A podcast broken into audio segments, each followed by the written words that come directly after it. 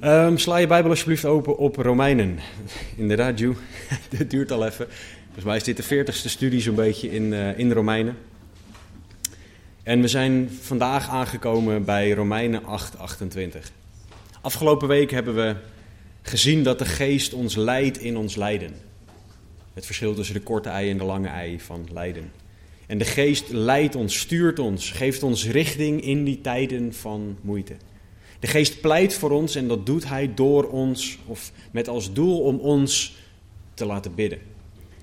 Want dat is een van de belangrijkste dingen. En we hebben gezien dat we bijbels mogen bidden op basis van een echte relatie met Jezus en vol ontzag voor God. Dat is de, de manier, sorry, waarop wij mogen bidden. Het bidden waar de geest ons in wil leiden. Maar vanochtend een van de meest bekende versen uit de Bijbel, Romeinen 8:28. Velen kennen dat vers uit hun hoofd. Alle dingen werken mede ten goede. Dat is vaak het gedeelte dat we van dat vers kennen. En dat is eigenlijk, dat is goed en dat is waar, maar het is maar een deel. Vanochtend gaan we kijken, en ik denk dat we minimaal nog één studie nodig hebben voor, deze, voor dit vers. Sorry Joe, ik kom echt aan die anderhalf jaar. maar we gaan kijken naar wat, wat betekent dit vers nou. En we gaan het in zijn context bekijken, omdat er heel veel verschillende ideeën over dit vers zijn. Maar ik wil met jullie samen kijken naar hoe kunnen we dit vers nou goed begrijpen. Dus laten we samen Romeinen 8:28 lezen en daarna gaan we, ik wou zeggen er vers voor vers doorheen, maar bijna woord voor woord doorheen. Paulus schrijft, en wij weten dat voor hen die God liefhebben, alle dingen meewerken ten goede. Voor hen namelijk die overeenkomstig zijn voornemen geroepen zijn. Laten we bidden. Heere God, dank u wel voor uw woord. Dank u wel dat u spreekt, Heer. Laat dat vanochtend ook zo zijn. Laat uw woorden gesproken worden, niks van mij. En Heere, we bidden en vragen dat in Jezus' naam. Amen. Om dit prachtige vers, Romeinen 8:28, te begrijpen. Om te begrijpen wat het betekent dat God zegt: alle dingen werken mede ten goede. Kunnen we niet blijven hangen in Romeinen 8:28? Om iets uit de Bijbel te kunnen begrijpen, is het cruciaal dat we naar de context kijken. Oftewel, wat staat er omheen? En als je de context namelijk niet hebt, dan zou je de betekenis missen. Een van de mooiste voorbeelden vind ik dat er in het woord letterlijk staat: er is geen God. Uit de context weet je dat dat is wat de dwaas in zijn hart zegt. Wat degene zegt die niet het ontzag voor God heeft. Maar zonder context kan je dus zeggen, er staat in het woord dat. En dat is wat ook heel makkelijk is met Romeinen 8:28. Om dat vers deels te pakken of uit zijn context te halen. En daarom gaan we vandaag onder andere naar de context kijken. Romeinen 8 is het hoofdstuk waarin we heiliging zien. Het proces van meer heilig leven, meer op de Heer Jezus gaan lijken in woord en in daad. En het is heiliging vanuit Gods perspectief. Dus de Heere God die kijkt naar ons met een bepaalde blik op dat heiligingsproces. In Romeinen 7 hebben we het heiligingsproces vanuit een menselijk perspectief gezien. Maar hier kijken we naar het goddelijk perspectief op heiliging. En in vers 18 tot en met 30 zijn we aan het leren over lijden met een lange ei in heiliging. Dat lijden een onderdeel is van het heiligingsproces. God maakt dingen niet mooier dan dat ze zijn. Hij vertelt om meer op Jezus te gaan lijken, zal je door lastige dingen heen gaan. Zal het zo zijn dat je soms pijn hebt en dat dingen soms moeite kosten, dat er verdriet is, dat je vragen hebt van waarom, heren.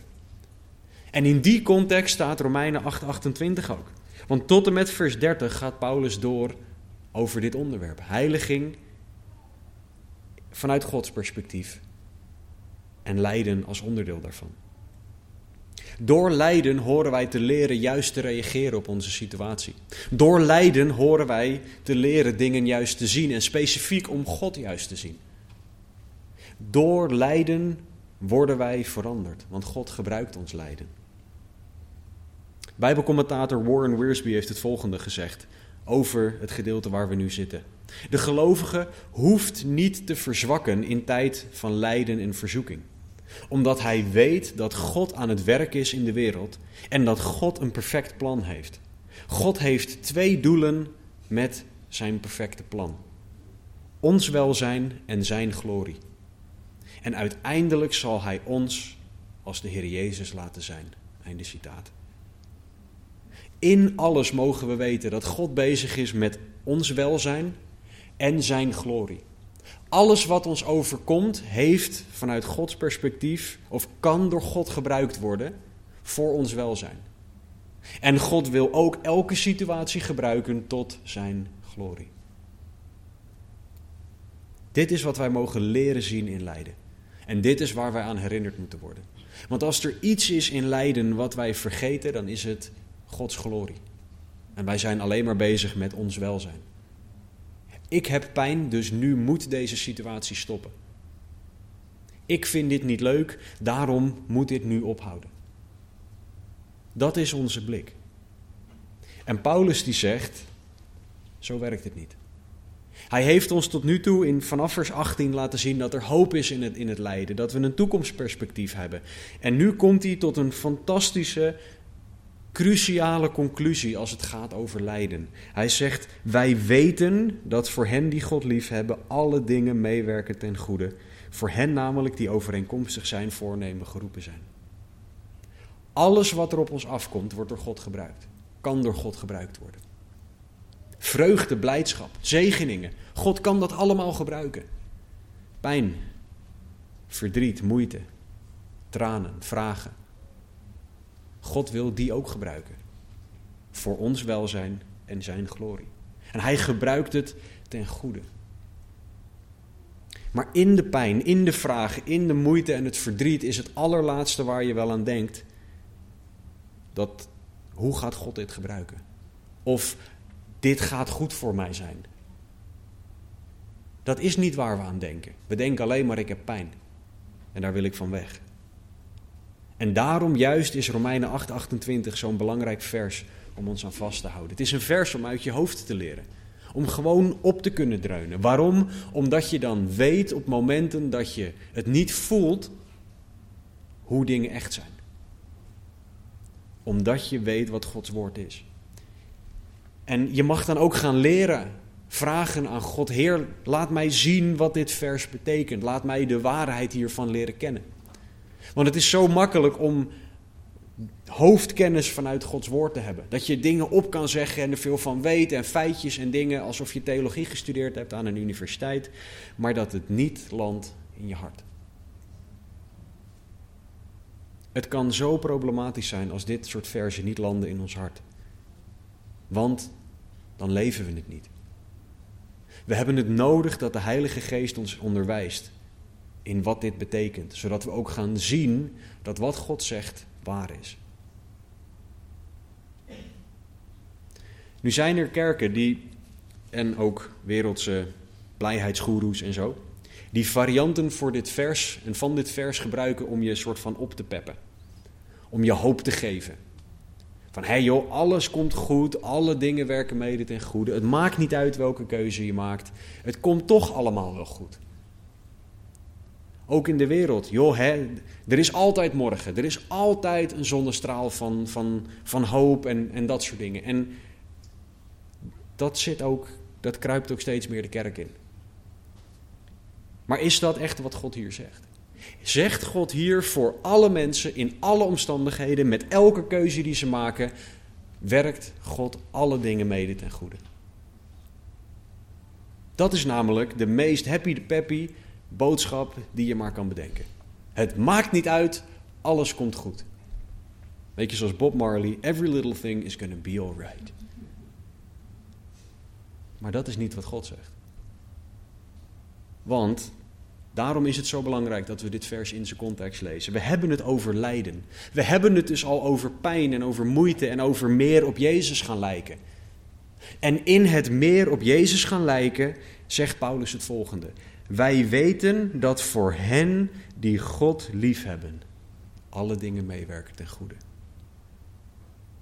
Paulus plakt een bijbelse voorwaarde aan alle dingen werken mede ten goede. Hij zegt namelijk voor hen die God liefhebben. En daar struikelen we. we, de mensheid, over. Want we willen graag horen dat alles meewerkt ten goede voor iedereen. Maar God zegt dat het anders zit. Voor de christen is Romeinen 8:28 vaste grond. Eeuwige waarheid. Iets waar je op kan staan, op kan bouwen, wat geen storm ondersteboven kan halen. Want het is Gods woord, het is Gods belofte, het is Gods vaste woord. Voor hen die God liefhebben. Voor degenen die nog niet geloven in Jezus, kan dit vers waar zijn. Maar de voorwaarde is dat jij God lief hebt.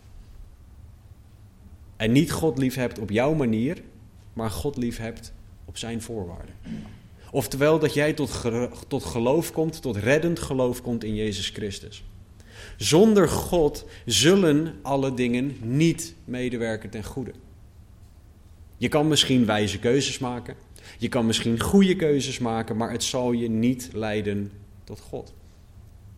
Je kan misschien meemaken dat dingen goed uitpakken. Dat kan.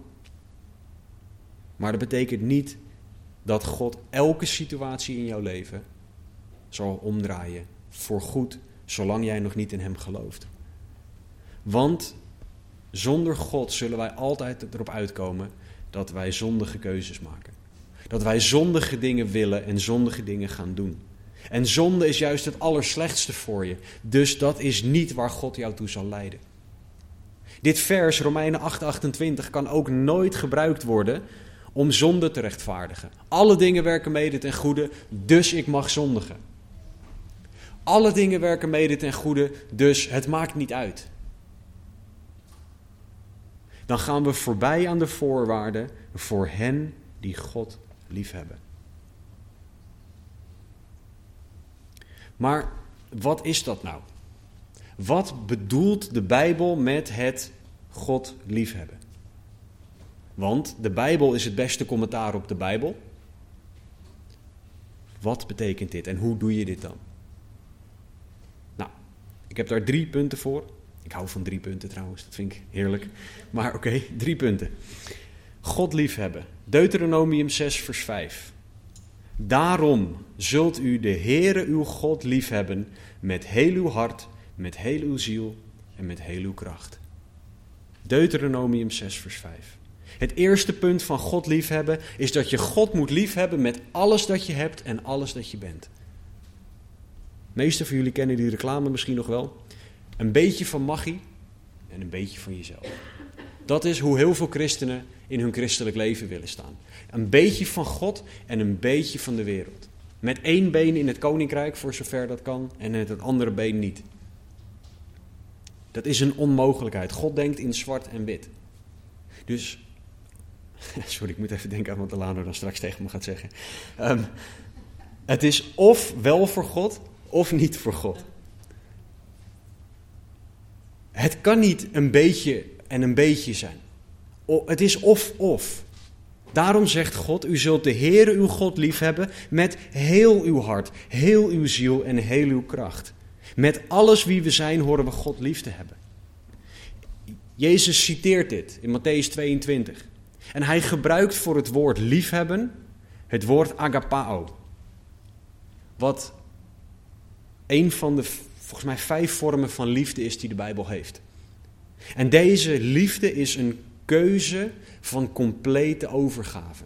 Een keuze die onvoorwaardelijk is, waarbij jij jezelf de verplichting oplegt om voor de ander te kiezen.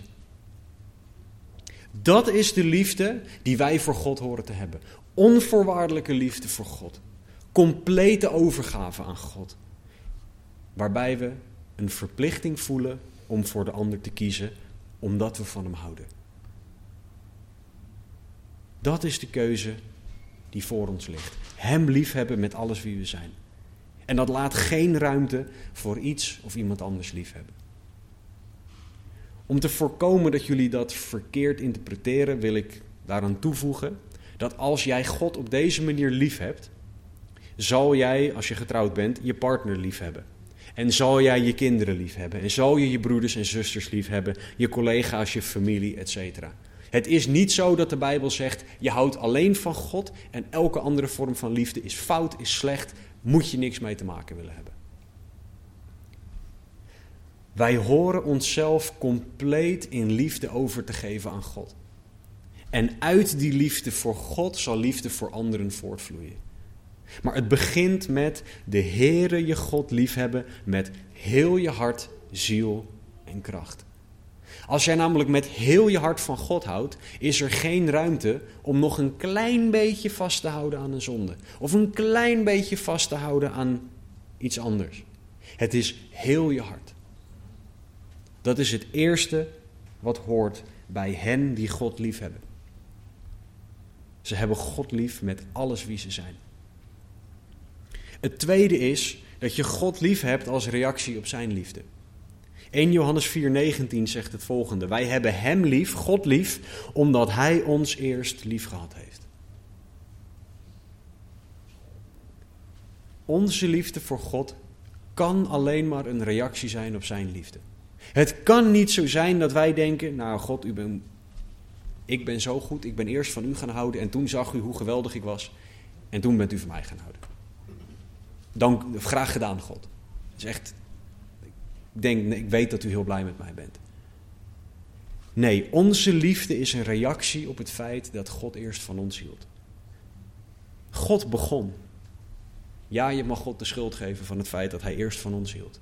Maar het is het beste wat ons kan overkomen. Want in Zijn liefde stuurde Hij Zijn Zoon toen wij nog zondaren waren.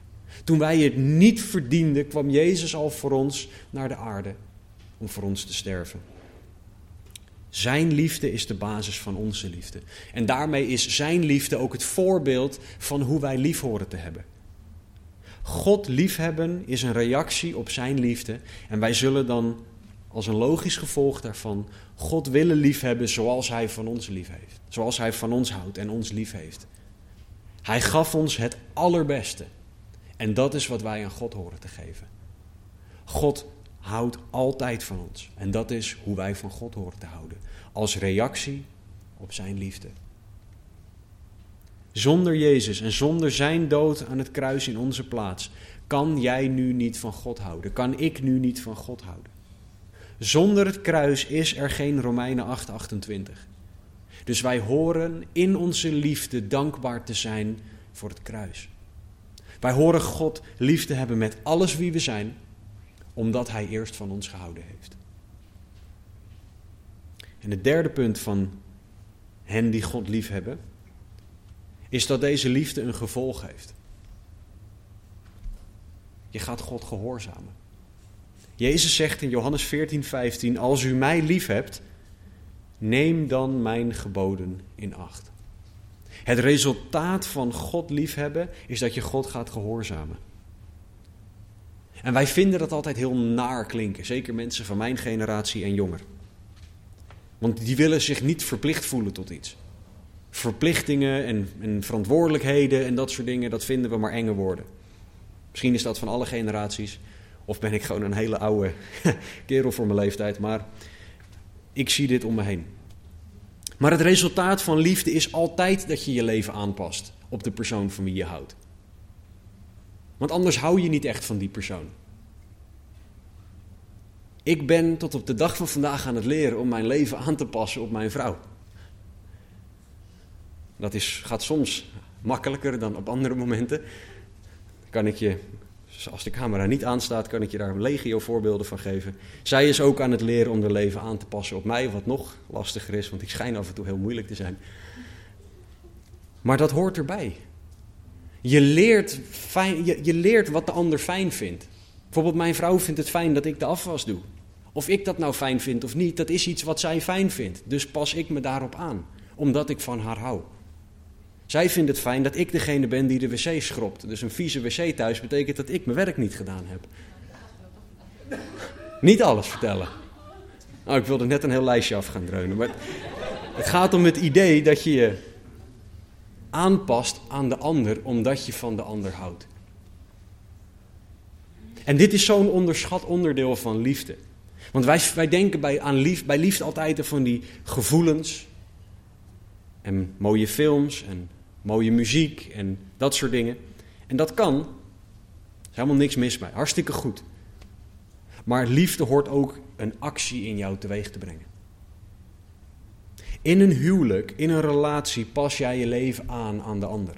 En dat is wat God van ons vraagt. Dat is onze relatie met God ook. Wij horen Hem te gaan liefhebben. En dat heeft gevolgen voor wat we wel en niet doen. En in, ons, in het woord van God leren we wat past bij Hem liefhebben. Wat logisch is aan God liefhebben. Maar ook wat niet logisch is als je zegt dat je van God houdt.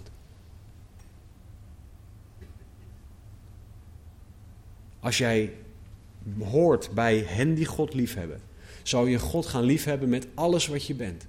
Omdat Hij van jou houdt. En zal die liefde een reden zijn, de reden zijn om God te gaan gehoorzamen.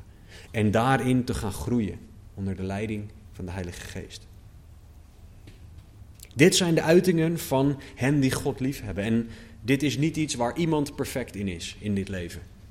Je zal hierin blijven groeien, in blijven vallen en blijven opstaan. Maar dit is wel over wie Paulus het heeft. Denk alsjeblieft niet dat als je een van deze dingen niet doet, of niet volledig doet, of er een keer in faalt, dat dan opeens niks meer ten goede werkt voor jou.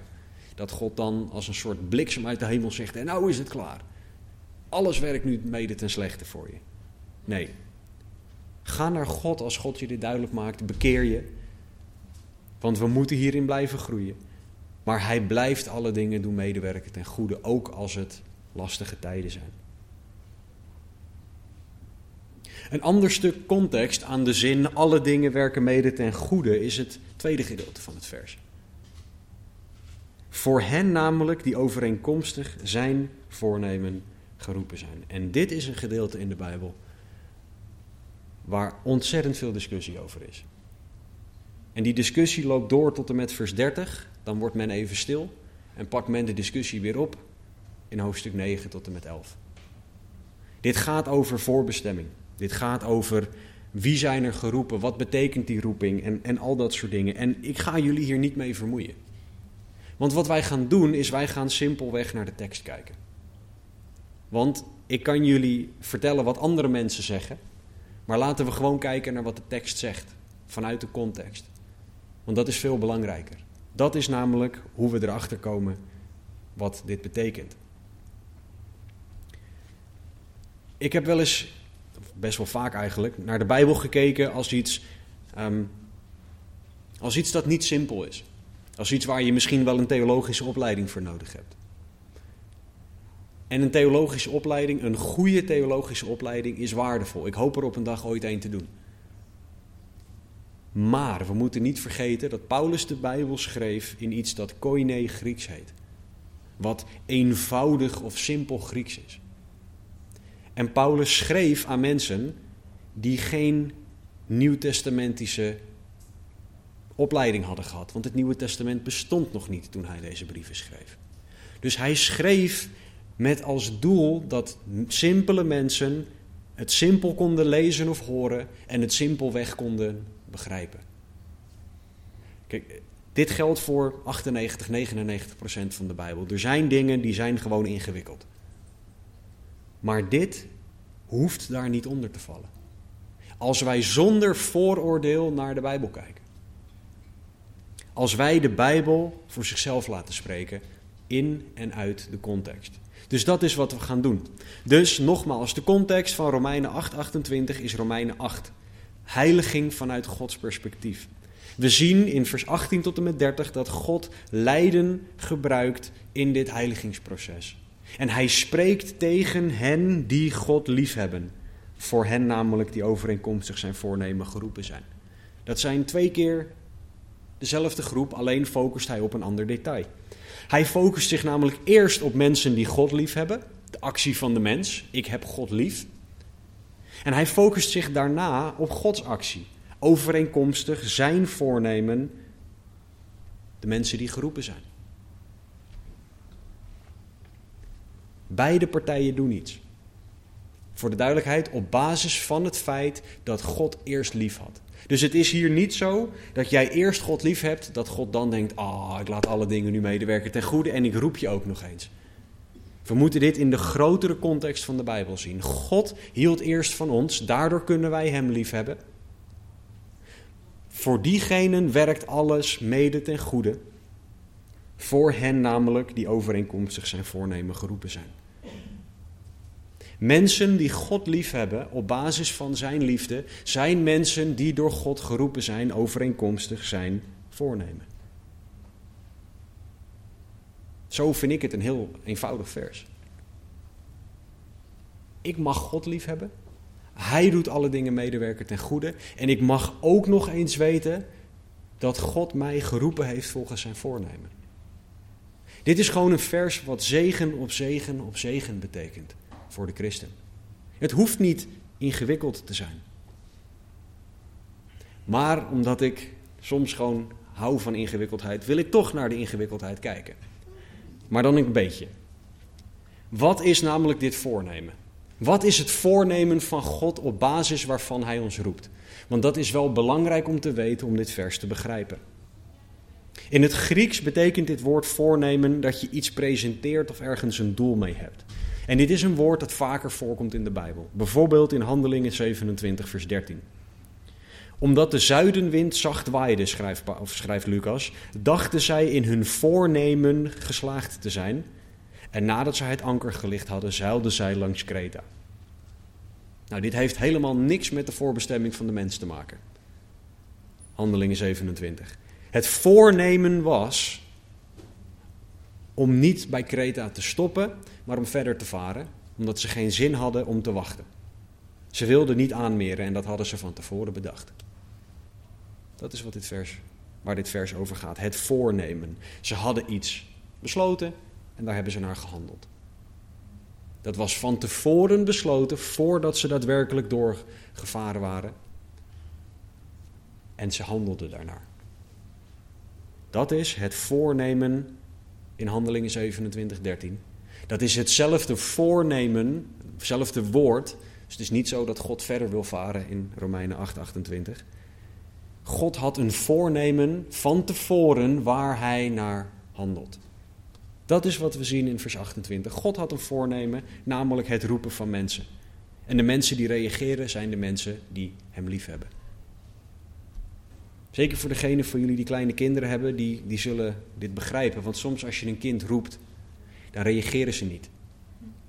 En soms roep je vaker en dan reageren ze nog niet. Dat is het idee. Je kan wel of je kan niet reageren op het roepen. Dit is een voornemen dat in Gods hart lag voor de grondlegging van de wereld. En nog zo'n voornemen van God is dat allen tot geloof komen. In 1 Timotheus 2.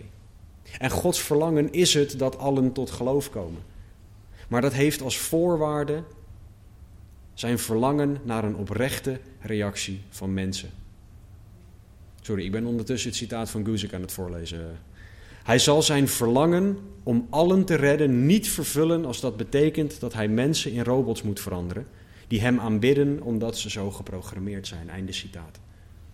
Wat Bijbelcommentator David Guzik hier zegt, is: jij hebt een verantwoordelijkheid om te reageren op Gods roepstem. Net zoals dat mijn kinderen de verantwoordelijkheid hebben om te luisteren en ik vroeger de verantwoordelijkheid had om naar mijn ouders te luisteren wanneer ze mij riepen. Hebben wij de verantwoordelijkheid en kunnen wij verantwoordelijk gehouden worden voor onze reactie op Gods roepstem? En wij kunnen ook wel of niet luisteren naar die roepstem.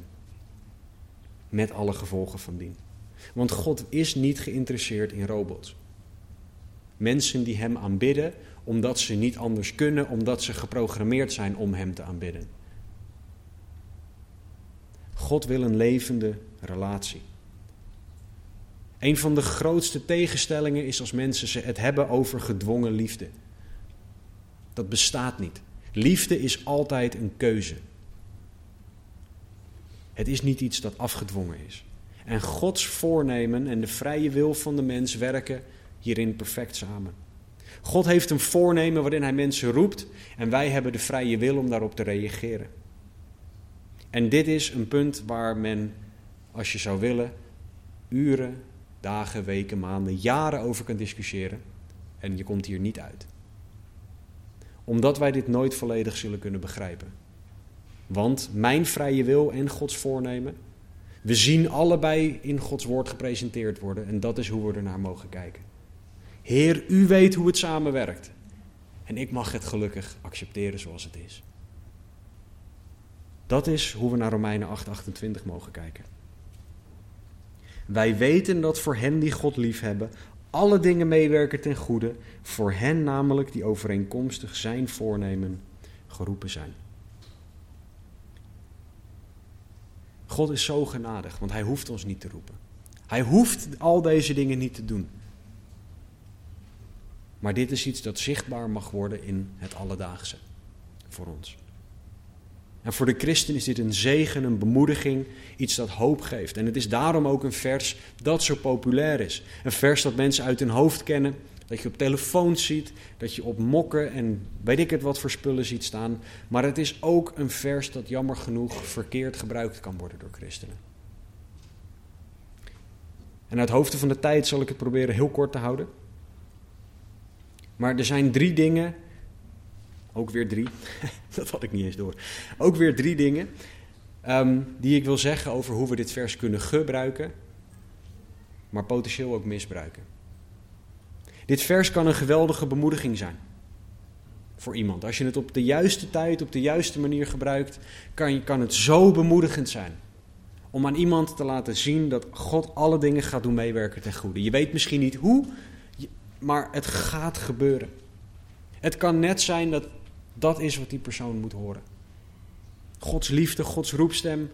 Het kan zo bemoedigend zijn. Zo genadig, zo liefdevol. Het kan tegelijkertijd iets hoopvol zijn.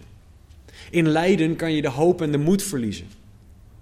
Dat je niet meer weet hoe je verder moet. En het is juist een vers dan dat je eraan herinnert om naar God toe te rennen. Om weer op Hem te zien en te zeggen: Heer, ik weet niet hoe, maar U hebt dit in de hand. Ik vertrouw op U. Leer mij op U te vertrouwen, ook als het pijn doet. We kunnen gaan inzien wie God is en hoeveel groter Hij is dan dat wij dachten. Dit vers heeft zoveel potentie. En tegelijkertijd is het een potentiële afknapper. Moet je je voorstellen, je gaat door iets heen of er is net iets met je gebeurd wat verschrikkelijk is. Iets ontzettend pijnlijks is net op je pad gekomen. Vul maar in wat dat is. Je bent je baan verloren, je bent een kind verloren, je huis is afgebrand, je auto, wat dan ook. Er is iets verschrikkelijk pijnlijks gebeurd. Je bent een familielid verloren. En er komt iemand naar je toe en die zegt: Wij weten dat voor hen die God liefhebben, alle dingen meewerken ten goede. Voor hen namelijk die overeenkomstig zijn voornemen geroepen zijn. Veel zegen, broeder. Veel zegen, zuster.